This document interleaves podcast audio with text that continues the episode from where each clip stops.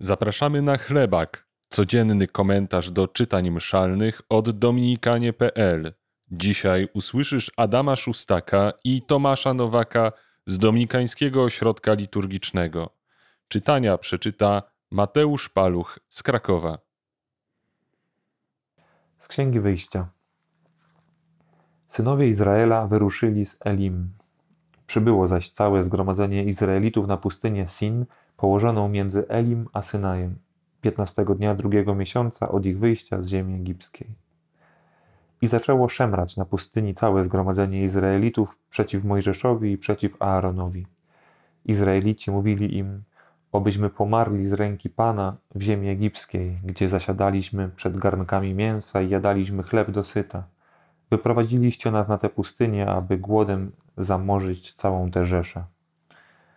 Pan powiedział wówczas do Mojżesza: Oto ześlę wam chleb z nieba jak deszcz.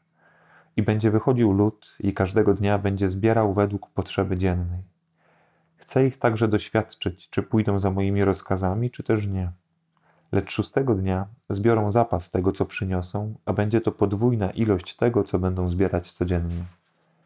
Mojżesz rzekł do Aarona: Powiedz całemu zgromadzeniu Izraelitów: Przybliżcie się do Pana, gdyż słyszał wasze szemranie. Gdy Aaron przemawiał do całego zgromadzenia Izraelitów, spojrzeli ku pustyni i ukazała im się w obłoku chwała Pana. I przemówił Pan do Mojżesza tymi słowami: Słyszałem szemranie Izraelitów. Powiedz im tak: O zmierzchu będziecie jeść mięso, a rano nasycicie się chlebem. Poznacie wtedy, że ja, Pan, jestem waszym Bogiem. Rzeczywiście, wieczorem przyleciały przepiórki i pokryły obóz, a nazajutrz rano warstwa rosy leżała dokoła obozu. Gdy się warstwa rosy uniosła ku górze, wówczas na pustyni leżało coś drobnego, ziarnistego, niby szron na ziemi. Na widok tego Izraelici pytali się wzajemnie, co to jest, gdyż nie wiedzieli, co to było. Wtedy powiedział do nich Mojżesz: To jest chleb, który daje wam Pan na pokarm. Wracamy do podróży Izraelitów do Egiptu. Mamy dzisiaj, kochani, tę słynną scenę z przepiórkami i z manną, tak? czyli to jedzenie na pustyni, gdzie oni już po prostu mieli dość, chcieli wracać do ogórków i do cebuli, yy, które mieli. Boga, co to za pomysł? Ja bym do ogórków, do cebuli nigdy nie wrócił. Do mięska rozumiem, ale do ogórków, do cebuli, po co? No ale oni bardzo głodni byli, więc Pan Bóg poratował. No i Pan Bóg im dał yy, przepiórki i dał im tą mannę. Ja bardzo lubię tą mannę. Yy, nie wiem, czy wiecie, bo to jest jakby w kilku fragmentach Pisma Świętego, jak ta manna smakowała. To jest bardzo ładne. Na początku jest napisane, że jak jedli tą mannę, to im smakowała tak nijak. No taka manna w sensie, no wiecie, takie bez smaku, taka, taka, taka trawa, takie, no takie, taka, taka mąka bez niczego, nie? Potem podobno zaczęła być bardzo słodka w ich ustach. Tak jest napisane w kolejnych fragmentach Pisma Świętego, że odczuwali niezwykłą słodycz. A najciekawiej, już wybaczcie mi, ale nie pamiętam, której to jest księdze. To jest księga, która komentuje wydarzenia z Egiptu. To jest albo w jakiejś mądrości, albo, albo jakichś proroków, już nie pamiętam, wybaczcie. Jest napisane, że ta manna pod koniec tej wędrówki, oni tam szli 40 lat, nie? więc mieli wiele czasu na nowe przepisy, ale pod koniec tej wędrówki manna smakowała każdemu tak, jak chciał. Tak ja to lubię. Czyli jak ktoś chciał czuć makrojala, to czuł makrojala. Jak ktoś chciał czuć jarmuż, to był ktoś dziwny, ale jakby ktoś chciał czuć jarmuż, no to czuł jarmuż. Jak ktoś chciał czuć flaczki, no to flaczki. Czujecie? Ona się dostosowywała do czego, czego, czego najbardziej potrzebowałeś. Ojcowie Kościoła piszą zawsze, że ta manna to jest symbol Eucharystii, że to jest zapowiedź Eucharystii. I tak naprawdę, kochani, jest. Jak się Eucharystię przyjmuje na początku, ona jest taka żadna. W sensie nic w Twoim życiu nie zmienia. Jak będziesz ją długo przyjmował, w sensie z wiarą oczywiście, nie chodzi mi tylko o mechaniczne przyjmowanie, ale jak naprawdę będziesz praktykował rzeczywiste, duchowe przyjmowanie Komunii Świętej, ona po chwili, po dłuższej chwili zacznie być słodka, czyli zacznie robić w Twoim życiu szczęście, a potem spełni to, czego najbardziej potrzebujesz. Już nie chodzi oczywiście o tam jakieś makrojale czy tam inne, tylko takie najgłębsze pragnienia. Ona spełni Twoje najgłębsze tęsknoty i najgłębsze pragnienia.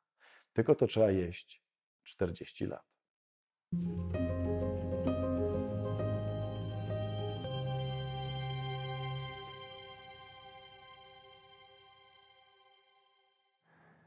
Z Ewangelii według świętego Mateusza. Owego dnia Jezus wyszedł z domu i usiadł nad jeziorem. Wnet zebrały się koło niego tłumy tak wielkie, że wszedł do łodzi i usiadł, a cały lud stał na brzegu. I mówił im wiele w przypowieściach tymi słowami. Oto siewca wyszedł siać, a gdy siał, jedne ziarna padły na drogę, nadleciały ptaki i wydziobały je. Inne padły na grunt skalisty, gdzie niewiele miały ziemi i wnet powschodziły, bo gleba nie była głęboka. Lecz gdy słońce wzeszło, przypaliły się i uschły, bo nie miały korzenia. Inne znowu padły między ciernie, a ciernie wybujały i zagłuszyły je. Inne wreszcie padły na ziemię żyzną i wydały plon, jedno stokrotny, drugie sześćdziesięciokrotny, a inne trzydziestokrotny. Kto ma uszy, niechaj słucha. Jezus wyszedł z domu i usiadł nad jeziorem. Y, Takie zdanie y, może brzmieć jak obrazek z wakacji. Ale zaraz potem czytamy, że zjawiają się tłumy i on musi ich nauczać. Musi albo chce. I uczy ich konkretnie o siewcy i o tym, jak pracuje ziarno i o przeciwnościach. O tym, że dobre ziarno na nasze życie w nas zasiał. Chociaż jest tyle przeszkód. Wspominamy dzisiaj rodziców Maryi, świętych Joachima, Joachima i Annę. I można by tak też pomyśleć o Maryi, że jest dobrym ziarnem, i można pomyśleć tak o Jezusie, że jest dobrym ziarnem, ale też choćby jak czytamy w przypowieści o chwaście, synowie królestwa, czyli my, też jesteśmy dobrym ziarnem. I Bóg chce nas siać. Słyszymy to.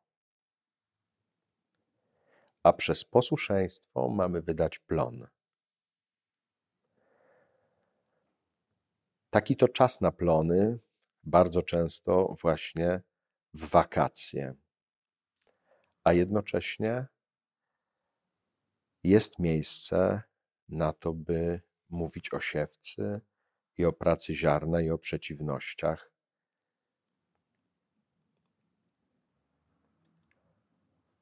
Patrzmy dzisiaj na świętych Joachima i Annę, na Maryję, na Jezusa i dziękujmy, że my również dołączamy do nich jako to dobre ziarno zasiane w tym świecie.